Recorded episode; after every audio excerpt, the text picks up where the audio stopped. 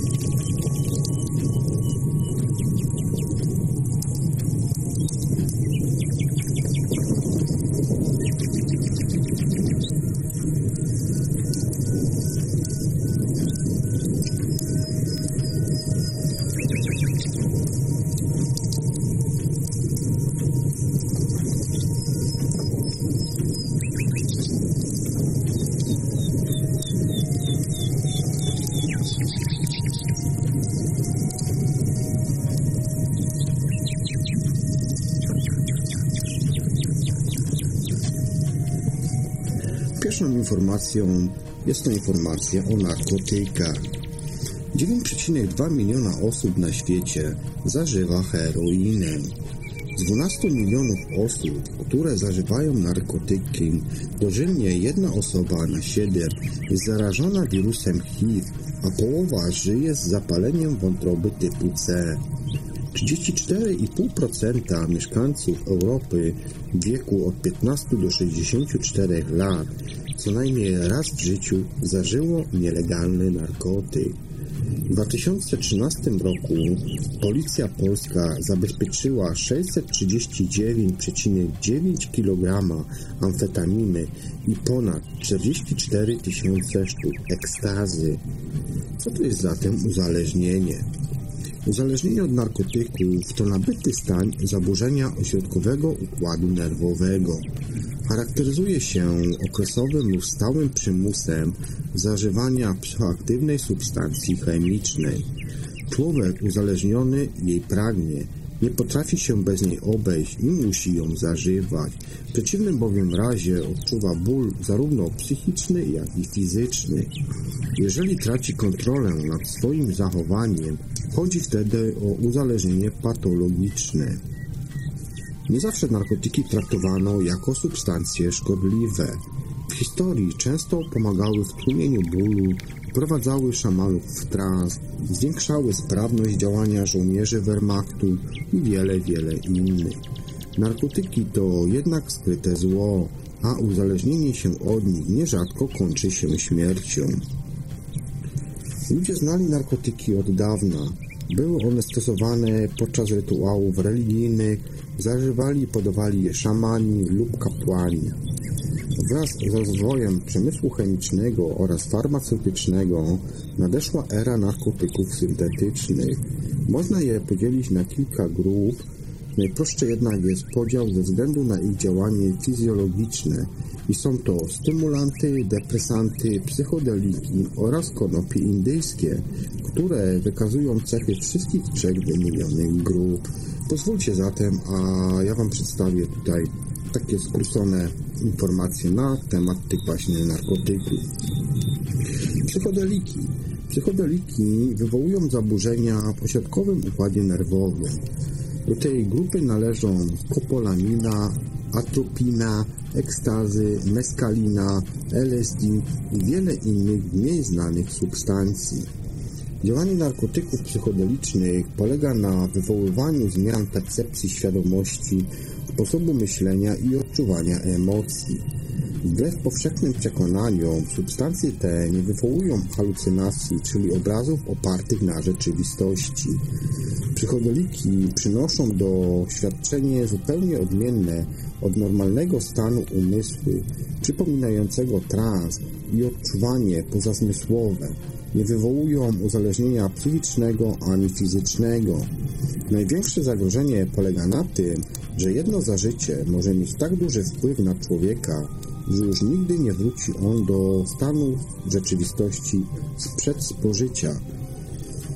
Substancje psychodeliczne były wykorzystywane podczas rytuałów szamańskich, stwarzając iluzję sił nadprzyrodzonych. Wymienię Wam teraz może niektóre psychodeliki. LSD, kwas, papierek, trip, listek. Jakie jest uzależnienie? Uzależnienie jest psychiczne i fizyczne, generalnie jest słabe.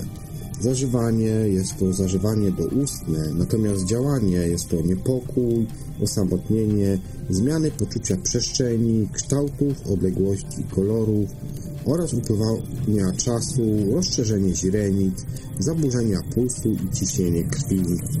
Następstwa pocenie, zaburzenie równowagi mowy oraz wzroku, brak apetytu, bezsenność, skrajne zmiany nastroju, psychozy, neurozy.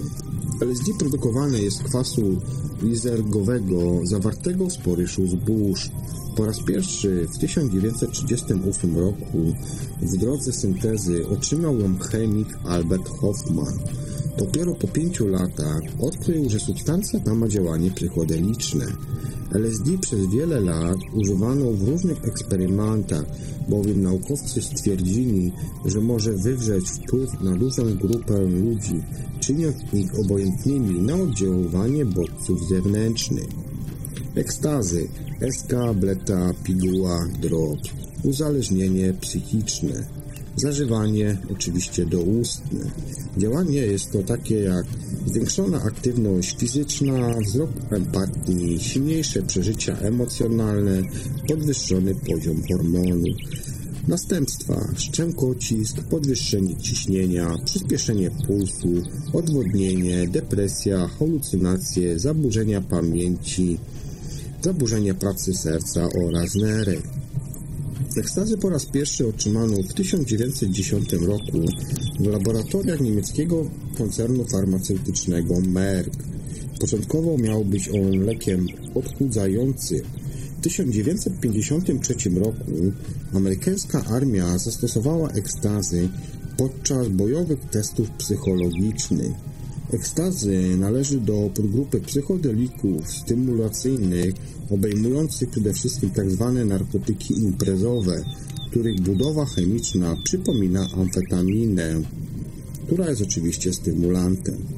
W odróżnieniu od stymulantów wywołują one halucynacje, potęgują uczucie empatii i więzi z otoczeniem.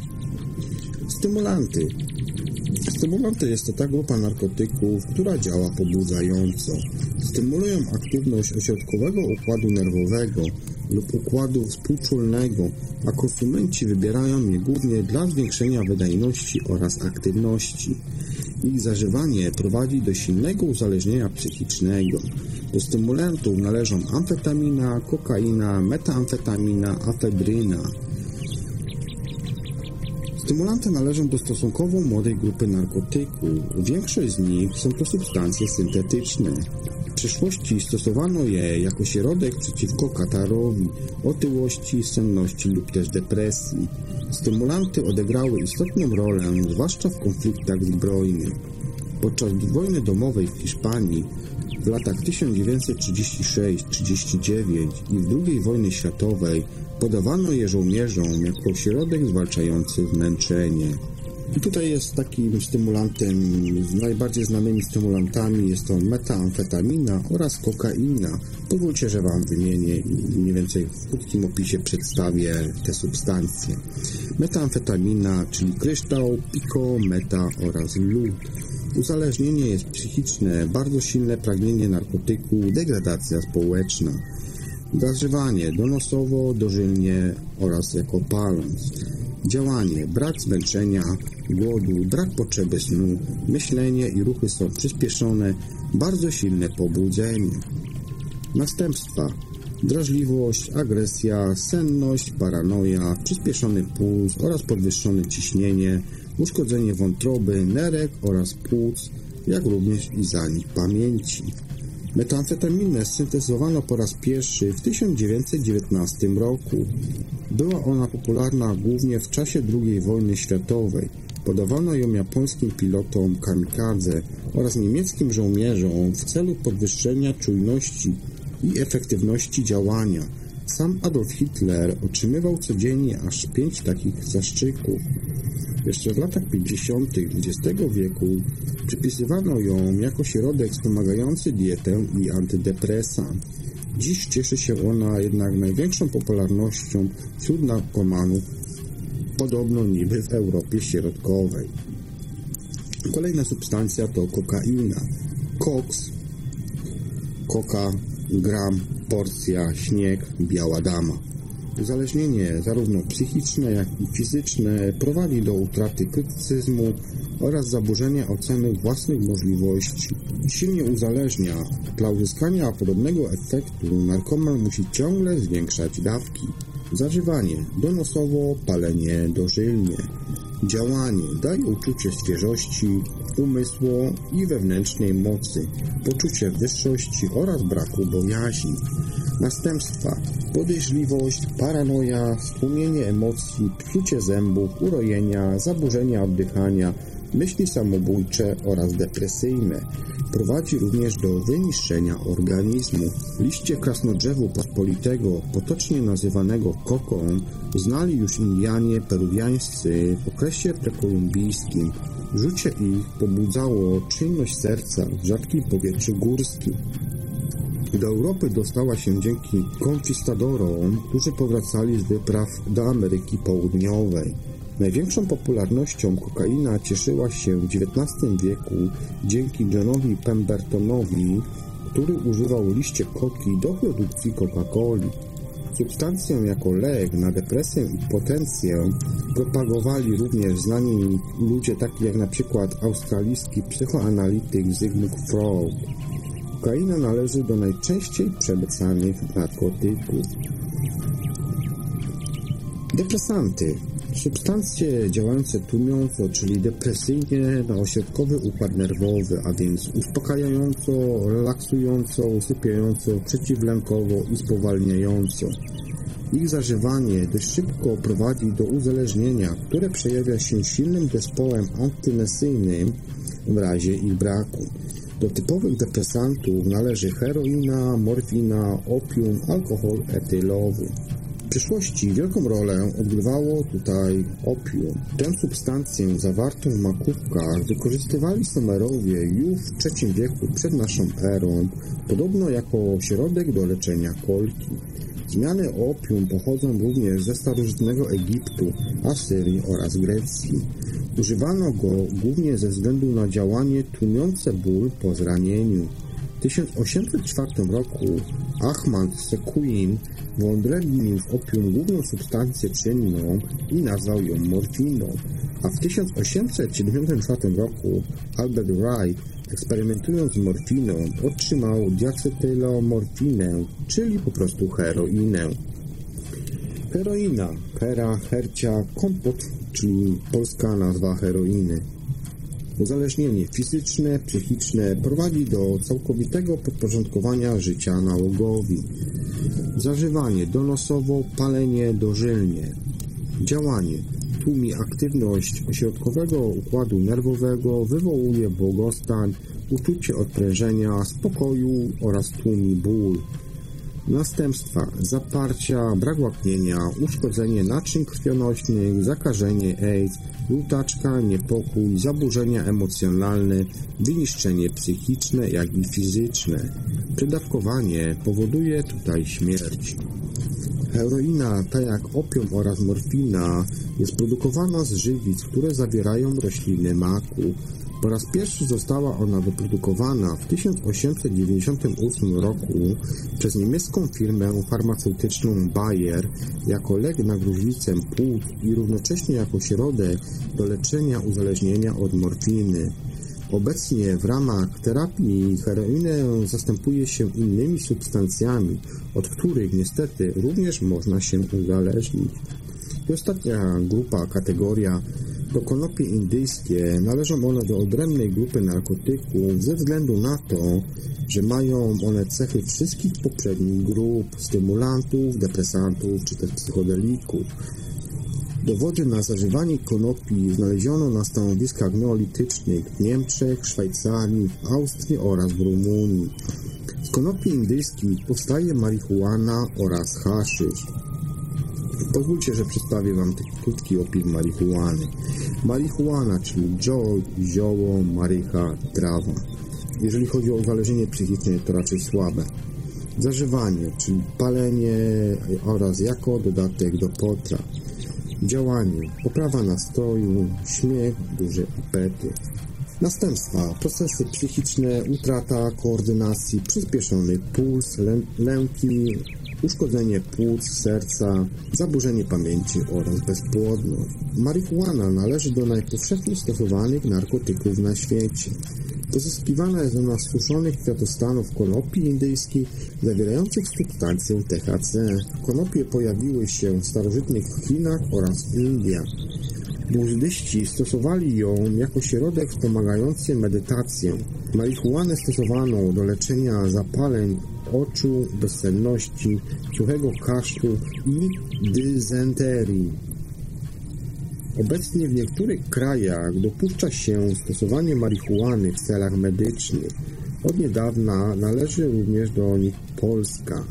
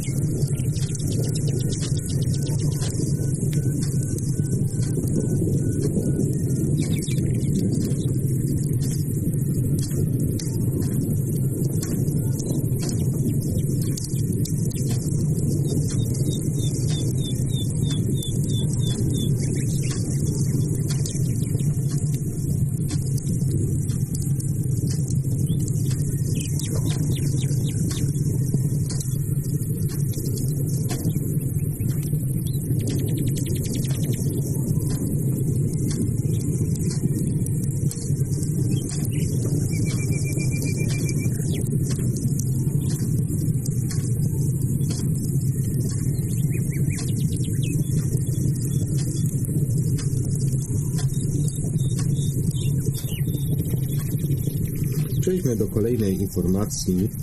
Destrukcyjna przyroda. Mordercze huragany. Dlaczego są coraz bardziej silniejsze? Huragan, nazywany też cyklonem, to niezwykle silny wiatr, który przynosi z sobą potężne opady i wysokie fale. Kiedy nadejdzie jego mordercze uderzenie, zmiata wszystko, co stanie mu na drodze, a więc drzewa, domy, samochody, ludzie i zwierzęta. Podstawą do powstania huraganu jest woda w morzu o temperaturze powyżej 26,5 stopnia Celsjusza, która to utrzymuje się do głębokości aż 50 metrów. Ogrzana para porusza się w górę, co prowadzi do powstania obszaru niskiego ciśnienia. Duże ilości ciepłego powietrza znajdują się nisko. Wówczas to rozwija się konwekcja, a więc ruch materii związany z różnicami temperatur i przekazywaniem ciepła, która to może doprowadzić do powstania cyklonu. Rotacja powstaje pod wpływem siły Coriolisa, która na półkuli północnej skrywana jest w prawo, a na południowej w lewo. Możemy ten efekt również sprawdzić w toalecie będąc na jednej półkuli i na drugiej. Będzie to doskonale widoczne. Oczywiście chodzi mi tutaj o ten efekt Coriolisa. Powietrze otaczające środek burzy porusza się w kierunku obu brzegów do oka burzy. Ściana oka jest to obszar występowania wysokich chmur, silnych opadów oraz silnego wiatru. Natomiast oko, bezchmurny obszar ze stosunkowo słabymi wiatrami i silnymi ruchami wstępującymi może on wtedy osiągać średnicę aż 60 km. Cztery stadia powstawania huraganu. Pierwsze stadium jest to cyklogeneza tropikalna, o ile są spełnione oczywiście warunki niezbędne do powstania cyklonu, a więc temperatura wody, obecność niżu, może on zacząć się formować i nabierać na sile. Drugie stadium jest to depresja tropikalna. Jest to system chmur oraz burz z zamkniętym obiegiem powietrza. Prędkość wiatru nie przekracza tutaj 61 km na godzinę. Jeszcze tutaj w tym stadium nie jest ukształtowane ani oko cyklonu, ani spiralna budowa burzy. Trzecie stadium jest to burza tropikalna. W tej fazie powstaje tropikalny kształt. Prędkość wiatru wynosi od 61 do 118 km na godzinę. I czwarte stadium jest to cyklon tropikalny. Wokół cyklonu panuje bezwietrze, a na brzegach prędkość wiatru wynosi około 305 km na godzinę. Czyli tak skrótowo mogę Wam powiedzieć tak. Cztery stadia. Cyklogeneza tropikalna, depresja tropikalna, burza tropikalna, a następnie ostatnie stadium cyklon tropikalny. Ciekawostka na temat występowania huraganów. Huragany występują w okresach od czerwca do listopada. Obszary, gdzie występują te mordercze huragany, to jest Morze Karaibskie oraz Północny Ocean Spokojny. Czas trwania takiego huraganu to jest mniej więcej 2 do 3 tygodni, a rozmiary to od 100 nawet do 2000 km, czy takie dwie Polski można powiedzieć, nawet więcej jak dwie Polski. Prędkość to około 300 km na godzinę, a liczba huraganów w ciągu roku w tej sferze, oczywiście, czyli na Morzu Karaibskim oraz Północnym Oceanie Spokojnym, to około 80. I tutaj takie dwa wymienię Wam, no dobra, może trzy huragany, najgorsze huragany, jakie były. Zarejestrowane oczywiście. Huragan Katrina 23 do 30 sierpnia 2005 roku wystąpiło na Bahamach, na Florydzie, na Kubie, Nowym Orleanie, Mississippi oraz w Alabamie. Największa jego prędkość była to 280 km na godzinę. Szkody, jakie wyrządził ten huragan, były to szkody rzędu 100 miliardów dolarów, a ofiar śmiertelnych było 1836. Katrina była jednym z najbardziej morderczych huraganów, które to kiedykolwiek nawiedziły Stany Zjednoczone. Najgorsza sytuacja była w Nowym Orleanie, gdzie burza zmierzyła wał przeciwpowodziowy. Miasto zalała wtedy woda z oceanu oraz jeziora Port Hartrain. W niektórych miejscach woda sięgała do wysokości 7,6 metra. Po zarządzeniu ewakuacji ponad 1 czwarta mieszkańców nie opuściła swoich domów. Drugi huragan to huragan Sandy, Wystąpił on 22 października do 2 listopada 2012 roku. Miejscem, gdzie on miał oddziaływanie, były to wielkie Antyle, Bahamy, wschód USA i Kanady oraz Bermudy. Największa prędkość to prędkość 185 km na godzinę, a szkody, jakie wyrządził, były to szkody rzędu 75 miliardów dolarów. Ofiar śmiertelnych było 253 osoby. Sandy ze względu na swoje rozmiary należy do największych huraganów w historii. Jego średnica wynosiła około 1500 km. Przemieszczał się wzdłuż wschodniego wybrzeża Stanów Zjednoczonych, powodując zniszczenia w 24 stanach.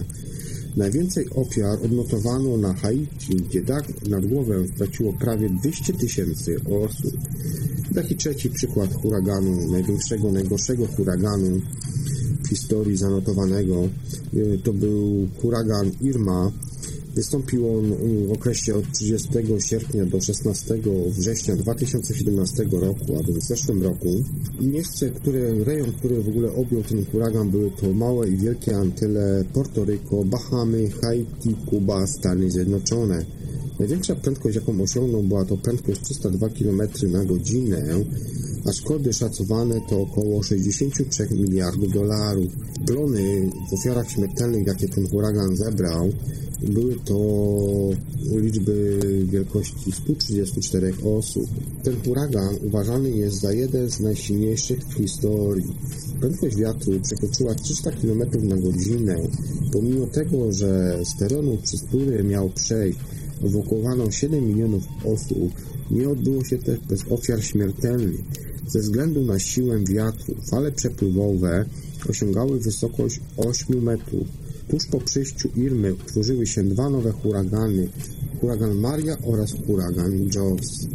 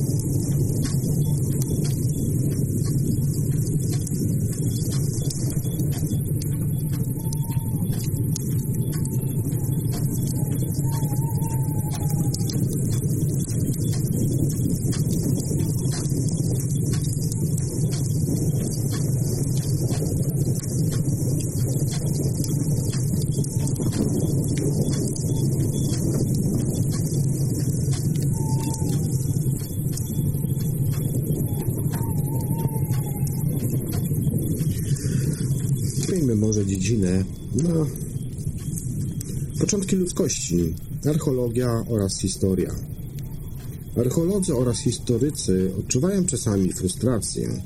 Co prawda, wciąż starają się wyznaczyć czasowo oś dziejów gatunku ludzkiego, lecz zawsze było to i prawdopodobnie już zawsze będzie jedyne usilne dążenie. Mamy problem z orientowaniem się w konkretnych wydarzeniach, sytuacjach oraz faktach, które mają zaledwie kilka stuleci. Nic więc dziwnego, że świt prehistorycznego, a właściwie prehistorii, sięgający do czasów przed 3 milionów lat, jawi nam się jako ciemne i nieznane czasoprzestrzenne głębie. Kiedy dokładnie człowiek opanował pierwszy żywioł, czy też na przykład ogień, bardzo często sobie takie pytania zadawaliśmy no i dalej zadajemy. Kiedy po raz tak naprawdę pierwszy odział swoje ciało? Kiedy zaczął myśleć? Kiedy zaczął mówić? Kiedy zaczął pisać? Kiedy zaczął pływać w potokach wodnych, czy też wynalazł na przykład koło? Kiedy po raz pierwszy w ogóle coś zbudował? Nie mamy tak naprawdę dokładnych dziś odpowiedzi na te wszystkie pytania i zapewne nigdy się nie dowiemy, nie znajdziemy tych odpowiedzi. Jednak nie wszystko jest stracone. Czasoprzestrzenny rozwój świata jest swoiście uporządkowany. Jedni nazywają je dziełem stworzenia, inni ewolucją. Dlatego nie poddawajmy się, szukajmy, dokopujmy, odkrywajmy, a przede wszystkim przemyślmy, starajmy się uświadomić, zrozumieć, zapytać i odpowiedzieć. Tylko właśnie w ten sposób możemy choć częściowo zbliżyć się do skraju wiedzy o sensie naszej egzystencji, do chwili, w której narodziło się jedno niewinne zdanie, składające się z trzech kardynalnych pytań. Skąd się tu wzięliśmy? Kim jesteśmy? I dokąd zmierzamy?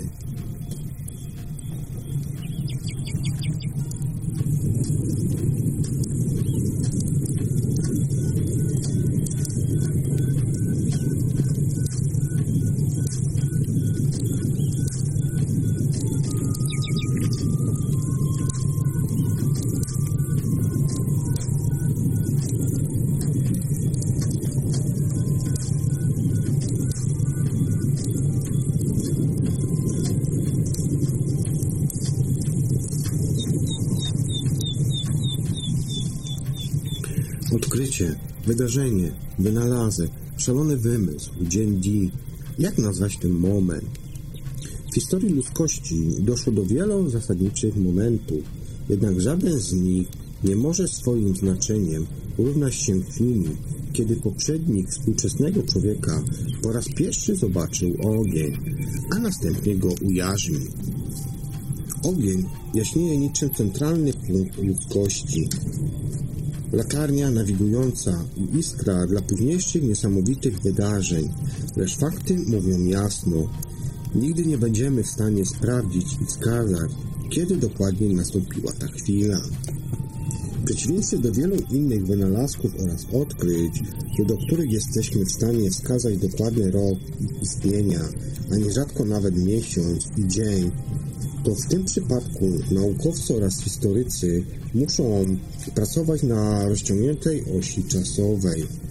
Skala geologiczna tym razem wychyla się o dziesiątki tysięcy lat do przodu, innym razem o setki tysięcy lat do głębokiej przeszłości.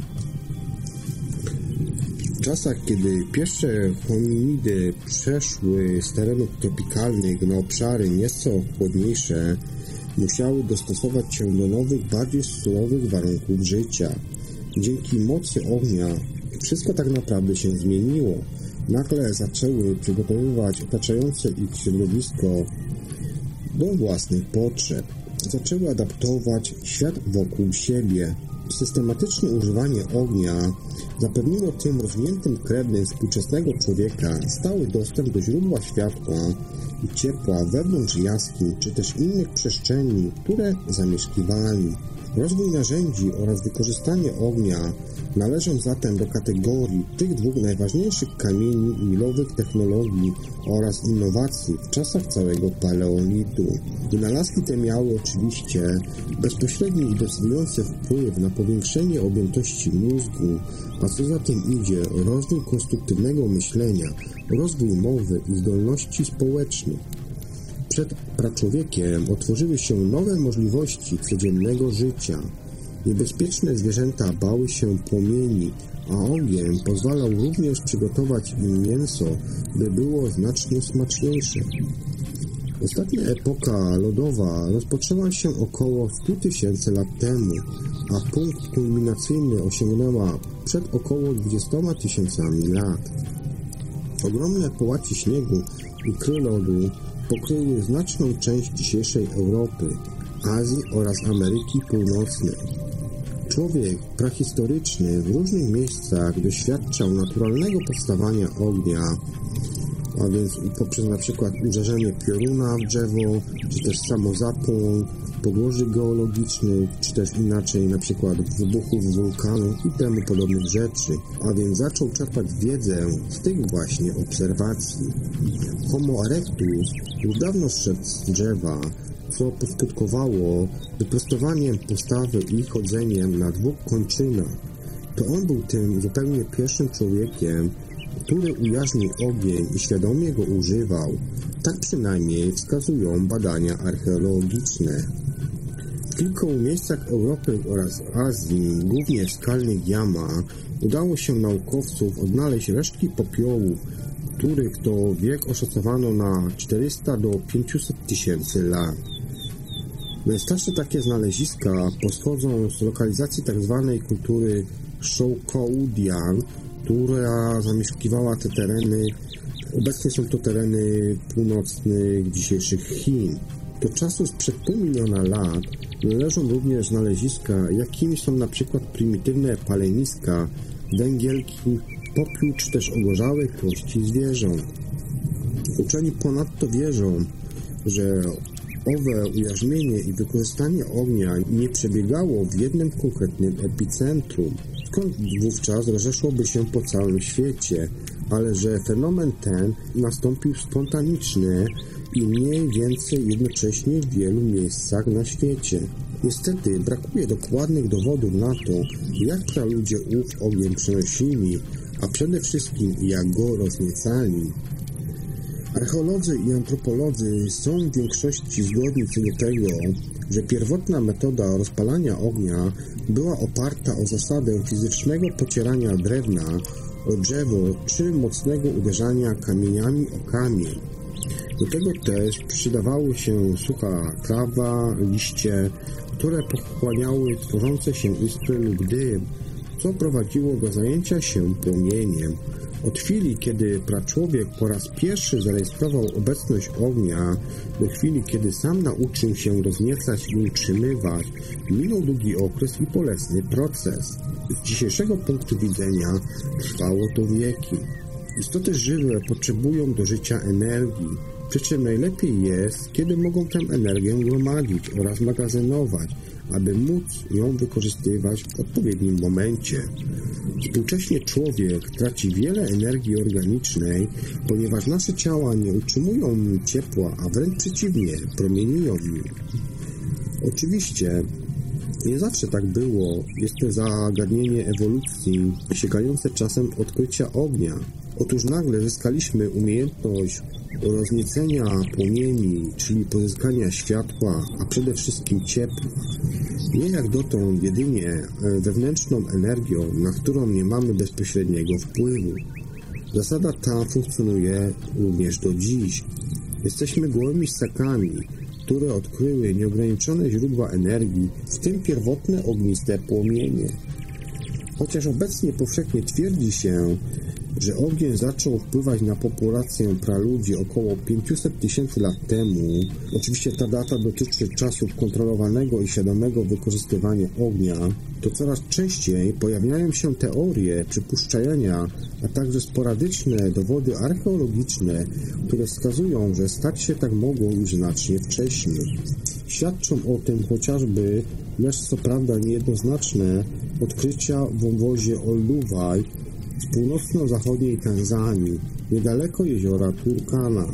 Lokalizacja ta często nazywana jest jedną z najstarszych kolebek ludzkości. Na przykład na stanowisku geologicznym Kobi Fora jakiś czas temu znaleziono utlenione warstwy osadu, którego wiek szacuje się na 1,6 miliona lat. Dla niektórych badaczy może to być dowód na pierwsze ludzkie kontrole ognia.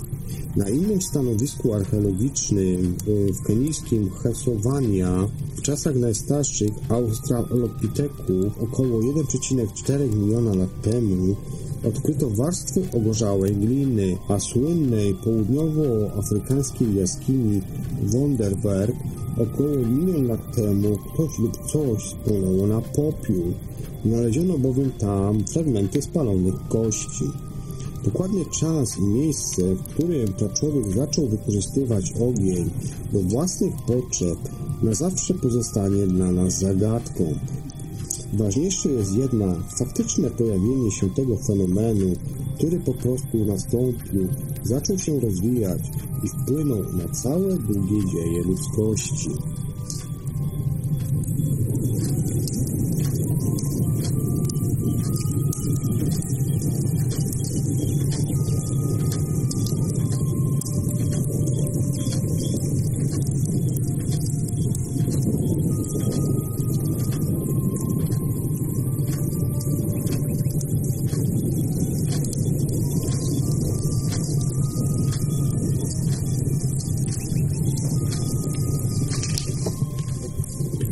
Podobnie jak w przypadku ognia, tu również eksperci od historii przyczyn logicznych nie wiedzą dokładnie, kiedy i gdzie człowiek zaczął się odziewać. Archeolodzy wskazują okres rozpościerający się między granicą 500 tysięcy a 10 tysięcy lat temu.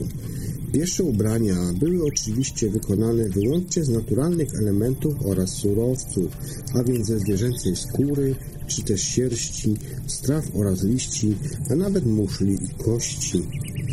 Odzienia te początkowo nie były w żaden sposób zszywane, chociażby zwykłą igłą. Dowody o istnieniu tych pierwszych pochodzą ze znacznie młodszych czasów, przed około 300 tysięcy lat. Pierwsze prymitywne odzienia były po prostu narzucone na ciało i luźno związane.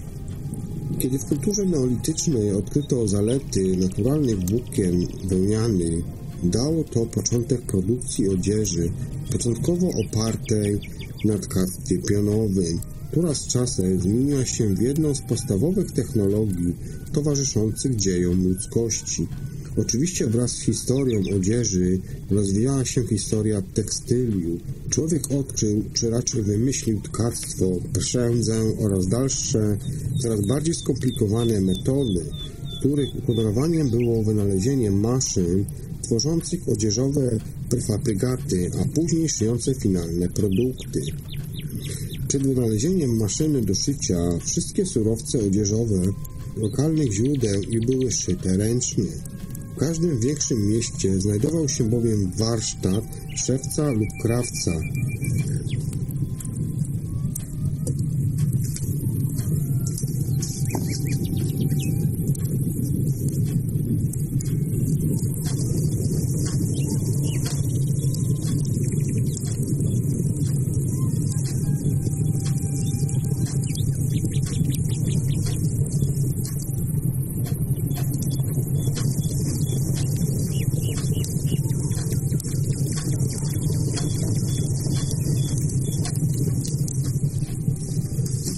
Początkowo chodziliśmy po świecie tak, jak nas Pan Bóg stworzył. Przykryci listkiem figowym luz zupełnie bosi pod. Kiedy nocny chłód zaczął dokuczać, przydatne okazały się okrycia z liści. Następnie po schwytaniu jakiegoś futrzaka pożyczyliśmy od niego futro, a na koniec zwierzęce skóry zaczęliśmy zastępować sztucznymi tkaninami. Skąd dzieła się igła i nić? Kiedy w 1986 roku brytyjski zespół archeologiczny podjął się wyprawy badawczej do jaskini Skibudów RPA, jej wynikiem było znalezienie m.in. kilku kościelnych igieł liczących około 60 tysięcy lat. Ścięgna zwierząt czy włókna naturalne, które służyły jako nić, nie zachowały się na miejscu, jednak historia szycia odzieży została datowana co najmniej od czasów, w których to pochodzą te znaleziska. 300 lat wcześniej znaleziono kościane igły również na stanowisku archeologicznym Guardian Polignan w południowej Francji. Te jednak pochodzą z okresu tzw. Tak kultury magdaleńskiej, czyli stosunkowo młodszej, a więc około 15 tysięcy lat temu. Najstarsze znalezione buty pochodzą z okresu sprzed 10 tysięcy lat i zostały odkryte w jednym z kompleksów jaskiniowych w amerykańskim Oregonie ćwierć wieku temu przez antropologa Luthera Kressmana. Podobny typ prymitywnych, łukowatych sandałów znaleźli archeolodzy nieco później również na innych stanowiskach. Potopowe buty z Oregonu do dziś uznawane są jednak za najstarsze artefakty pierwotnego obuwia. Sandały były przeważającą formą obuwia w większości cywilizacji. Te tak zwane miękkie obuwie stosowano do początków rewolucji naukowo-technicznej, kiedy to i na tym polu doszło do rozwiązań manufakturowych. Pierwszą automatyczną metodę produkcji trwałego obuwia przedstawił pochodzący z Surinamu Jan Ernst Matzeliger, który odziedziczył skłonności do ciekawych wynalazków inżynieryjskich po swoim ojcu, holenderskim wynalazcy o niemieckich korzeniach. Jego technika maszynowa została użyta w praktyce i ułatwiła masową produkcję obuwia. Działo się to w drugiej połowie XIX wieku. Niebieskie dżinsy alias wieczne spodnie. W 1853 roku w Kalifornii trwała właśnie gorączka złota, którą postanowił wykorzystać 24-letni niemiecki emigrant Levi Strauss. Z Nowego Jorku ruszył ostatecznie on do San Francisco, aby otworzyć tam sklep z suszoną żywnością i tekstyliami. Po przyjeździe rzekomo pewien poszukiwacz złota zapytał go, co właściwie sprzedaje. Strauss odpowiedział, że między innymi używane plandeki oraz inne materiały odpowiednie do przykrycia namiotów czy nawozu. Na to zainteresowany odpowiedział, szkoda, że nie przywiozłeś jakichś spodni, bo bardzo by mi się tutaj przydały. Zwłaszcza takie, które wytrzymają ciężką pracę. Reszta tej historii to już fakty. Strauss przygotował najlepiej wytrzymałe fartuchy, później słynne spodnie. Po tym jak mężczyźni skarżyli się, że ich ubrania mają tendencję do rozdzierania się, zakupił z San Francisco bawełnianą tkaninę o skośnym splocie, a z niej produkował prefabrykaty, które to zapisały się w historii jako denim. Spodnie z denimu otrzymały nazwę Blue Jeans, natomiast w Polsce tę odmianę jeansu nazywano Teksasem. Potrzeba mechanizacji w odzieżówce wzrosła w postępie geometrycznym na początku XVIII wieku w wyniku powstania licznych armii, co przyciągało za sobą zapotrzebowanie na tysiące mundurów. Para rąk stała już wówczas wystarcza. Pierwszy projekt maszyny do szycia opatentował Anglik Thomas Sainz wiosną 1790 roku. Maszyna miała jednak mnóstwo wad i nigdy nie doczekała się komercyjnego użycia. Jeszcze przed nim mechaniczne urządzenie podobnego typu skonstruował Niemiec Charles Wiesenthal, ale dopiero w przypadku aparatury austriackiego wynalazcy Józefa Maderspergera można mówić o początkach prawdziwej maszyny szyjącej. Brytyjscy, niemieccy i amerykańscy inżynierowie co chwilę przedstawiali pewne innowacje maszyn do szycia. To trwało niemal do połowy XIX wieku. Ostatecznie to Amerykanin Isaac Singer, żyjący w latach 1811-1875, stworzył optymalną formułę upraszczającą zbyt skomplikowane maszyny dwóch kolegów, a także opatrzył swe urządzenie napiętą nic i pedał. W XX wieku maszyna do szycia była na wyposażeniu niemal każdego gospodarstwa domowego, stanowiąc nawet osobny mebel.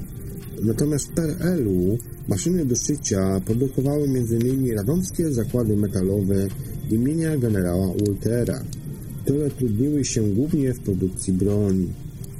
Z ich linii wyszedł model maszyny do szycia łucznik.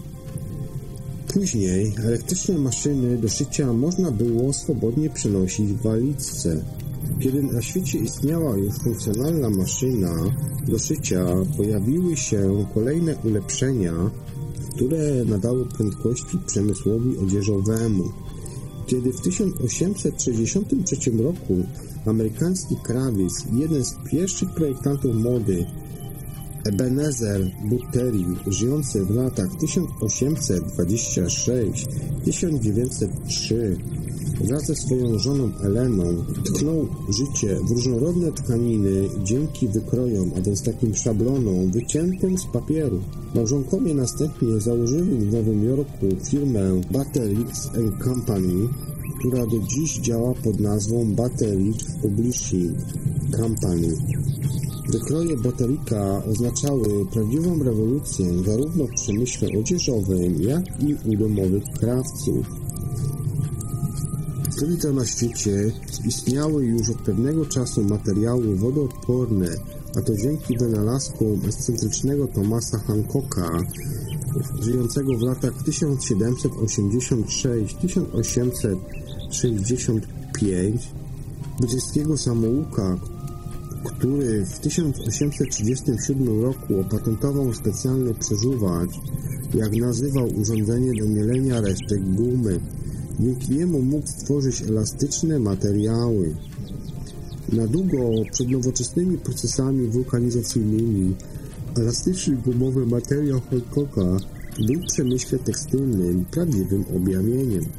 Z niego zaczęto produkować buty, płaszcze przeciwdeszczowe, kurtki oraz inne wyroby codziennego użytku. Stopniowo popularność zyskały wyroby skórzane, ulepszano i modernizowano procesy produkcyjne, a przemysł odzieżowy powoli wkraczał w XX wiek. Ubrania zaczęły chronić nie tylko przed chłodem i czynnikami naturalnymi, lecz także stały się wyraźnym modnym dodatkiem. No, ale to już zupełnie inna historia.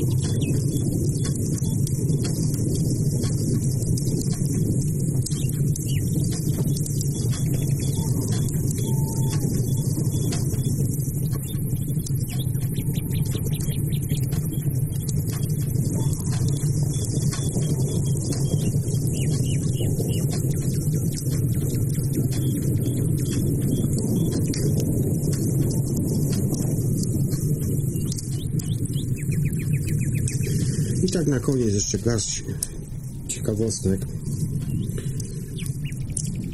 Kiedy pojawił się pierwszy film? Obecnie kino wraz z prasą, radiem i telewizją należą do środków masowego przekazu o największym zasięgu i wpływie. Rozwój tego wynalazku technicznego nastąpił pod koniec XIX wieku. Za wynalazków kinematografów uważa się braci Lumière, którzy w 1895 roku w Paryżu zorganizowali pierwsze przedstawienie publiczne. Wyświetlono wówczas film Wyjście robotników z fabryki Lumière w Lyonie. Śniadanie, polewacz polany oraz najsłynniejszy wjazd pociągu na stację w La Ciotat.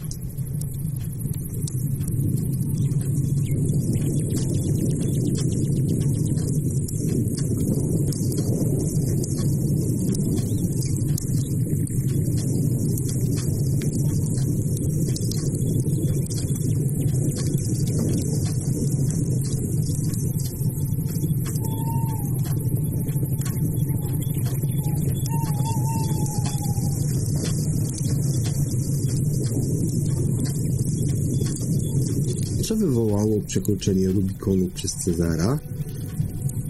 Kiedy w 1949 roku przed naszą erą Juliusz Cezar, żyjący w latach 100 do 44 przed naszą erą, przekroczył rzekę Rubikon, dobrze wiedział, że tej decyzji nie będzie mógł cofnąć i znał jej następstwa.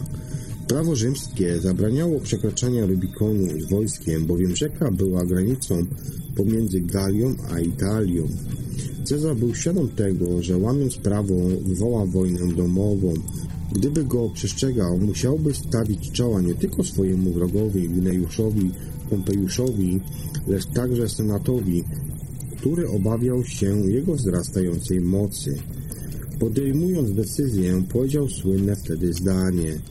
Cytuję: Kości zostały rzucone. Koniec cytatu. Następnie pokonał Pompejusza i stał się jedynym władcą Rzymu.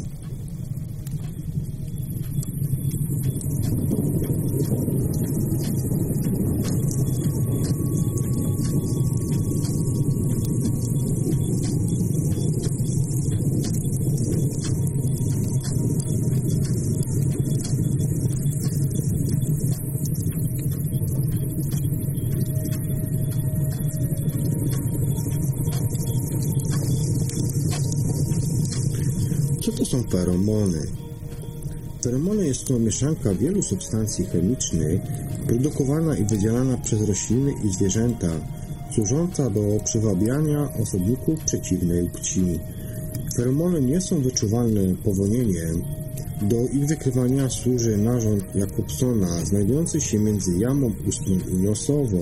Owady używają feromonów w największej skali. Pewien gatunek mrówek za pomocą tych substancji oznacza sobie trasę od źródła pożywienia do mrowiska. Najważniejszym zadaniem feromonów jest pomoc w znalezieniu odpowiedniego partnera i spłodzeniu potomstwa.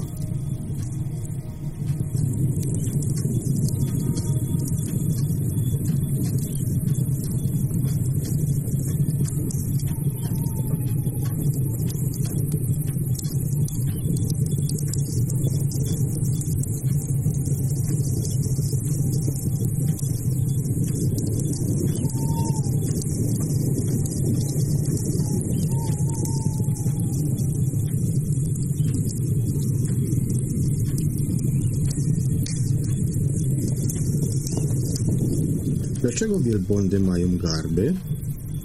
Wielbłąd jest to zwierzę doskonale przystosowane do życia na pustyni. Wbrew powszechnym przekonaniom nie przechowują one wody w żołądku ani w garbie. Garb jest magazynem energii dla wielbłąda. Może on zawierać aż 40 kg tłuszczu, co człowiekowi wystarczyłoby na przeżycie 100-150 dni. Podczas uwalniania energii z tłuszczu powstaje dodatkowy wodór, który reaguje z tlenem, tworząc wodę. W ten sposób zwierzęta te pozyskują wodę również z innych części ciała. Dlatego mogą wędrować przez pustynię, nie pijąc nawet przez kilka dni. Kiedy jednak spragniony wielbłąd znajdzie wodę, potrafi wypić nawet 130 litrów w ciągu kilku minut.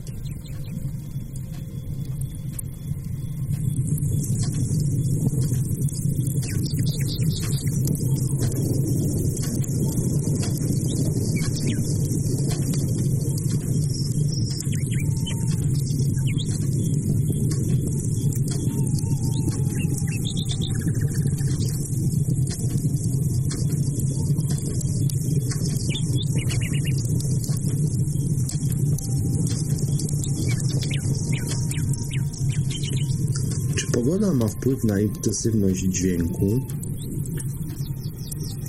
Na głośność dźwięku ma wpływ głównie śnieg, który może ją stłumić aż o 7 dB. Jak to jest więc możliwe? Przyczyną jest energia kinetyczna fal dźwiękowych. Od gładkiej powierzchni fale odbijają się bez zmiany głośności, natomiast otwory w płatkach śniegu zatrzymują dźwięk, który zmienia się w ciepło. Głośniejsze dźwięki można usłyszeć również w nocy, kiedy to powietrze nad ziemią jest chłodniejsze i gęstsze. Dźwięk odbija się od chłodnych warstw i staje się bardziej intensywny.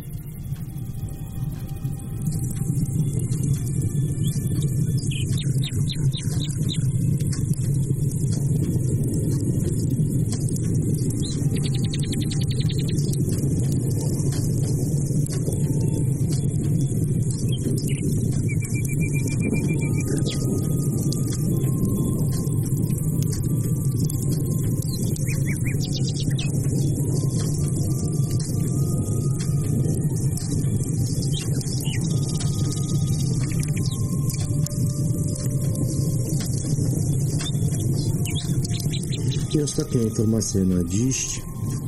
Od czego zależy kolor kamieni szlachetnych? W naturze występuje mnóstwo minerałów. Niektóre mają zawsze identyczną barwę, inne mienią się kolorami. Dlaczego tak się właściwie dzieje? Przyczyną są domieszki innych minerałów lub chemicznych zanieczyszczeń. Na przykład typowy kwarc jest przezroczysty jak szkło. Z domieszką tytanu powstanie z niego kwas różowy, natomiast niewielką ilością żelaza będzie z niego przepiękny fioletowy ametyst. Korundu dzięki domieszkom powstają cenne kamienie szlachetne. Na przykład chrom nadaje mu czerwony kolor, bowiem powstaje wtedy rubin. Z odrobiną natomiast tytanu pojawia się niebieski szafir.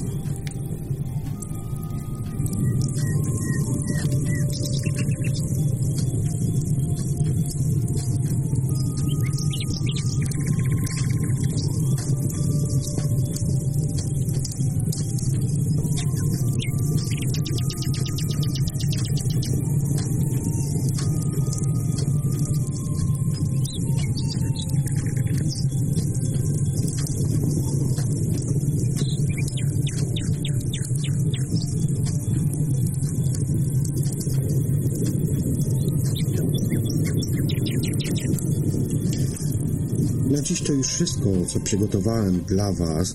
Po kolejne informacje zapraszam Was do kolejnej audycji 3600 sekund, bo chcę wiedzieć. A tymczasem do usłyszenia i do następnego razu. Trzymajcie się i bądźcie zdrowi. Cześć!